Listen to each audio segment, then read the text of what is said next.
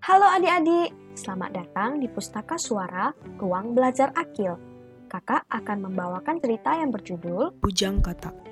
Buku ini ditulis oleh rakyat Bangka Belitung. Diilustrasikan oleh rakyat Bangka Belitung dan diterbitkan oleh Bandung Institute of Technology FVAD Visual Communication Design Program. Yuk kita simak. Dahulu kala, hiduplah seorang wanita yang miskin. Dia hidup sebatang kara dan sangat ingin mempunyai anak. Dia pun berdoa kepada Tuhan Yang Maha Kuasa agar ia dikaruniai seorang anak. Begitu inginnya, wanita itu berkata dalam doanya bahwa walaupun ia dikaruniai seorang anak yang mirip kata, ia akan merawat dan mencintainya dengan sepenuh hati. Rupanya Tuhan mengabulkan doanya. Lalu lahirlah seorang anak laki-laki yang mirip seekor katak, kulitnya licin dan berwarna kehijauan, lehernya pun pendek. Orang-orang di sekitarnya memanggilnya sang bujang katak. Bujang katak tumbuh dewasa dan rajin membantu ibunya di ladang. Ia pun disukai oleh penduduk desa karena sikapnya yang ramah dan suka membantu.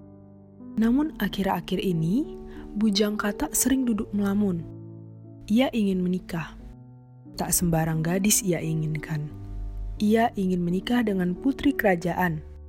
Ibunya yang sangat sayang kepadanya tak mampu menolak keinginannya.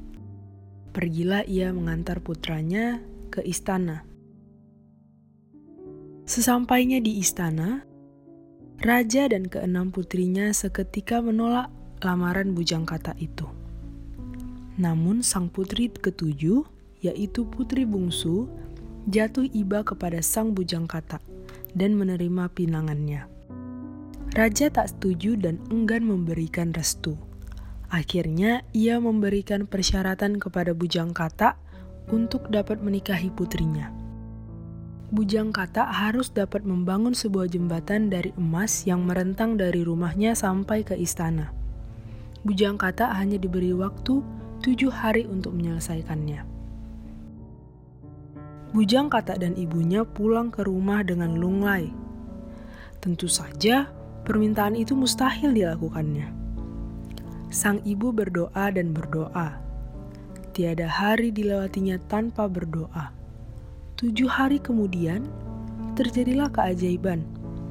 Tiba-tiba, tubuh bujang kata berubah kulitnya mengelupas menjadi emas. Bujang Kata lalu menggunakan emas itu untuk membangun jembatan dari rumahnya ke istana. Bujang Kata pun berubah wujud menjadi pangeran yang sangat tampan. Saat sampai ke istana, tidak ada yang mengenali Bujang Kata yang telah berubah rupa. Kepada sang putri bungsu, sang pangeran menceritakan tentang dirinya. Sang putri terkejut sekaligus juga sangat bahagia. Raja ikut senang dan segera memberikan restu kepada sang pangeran untuk menikahi putri bungsu. Mereka pun hidup bahagia, meninggalkan keenam kakak sang putri yang iri tak terkira.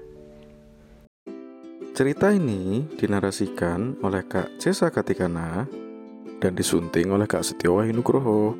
Buku Suara merupakan program yang diinisiasi oleh Ruang Belajar Akil untuk memberikan media alternatif bagi siapa saja yang membutuhkan.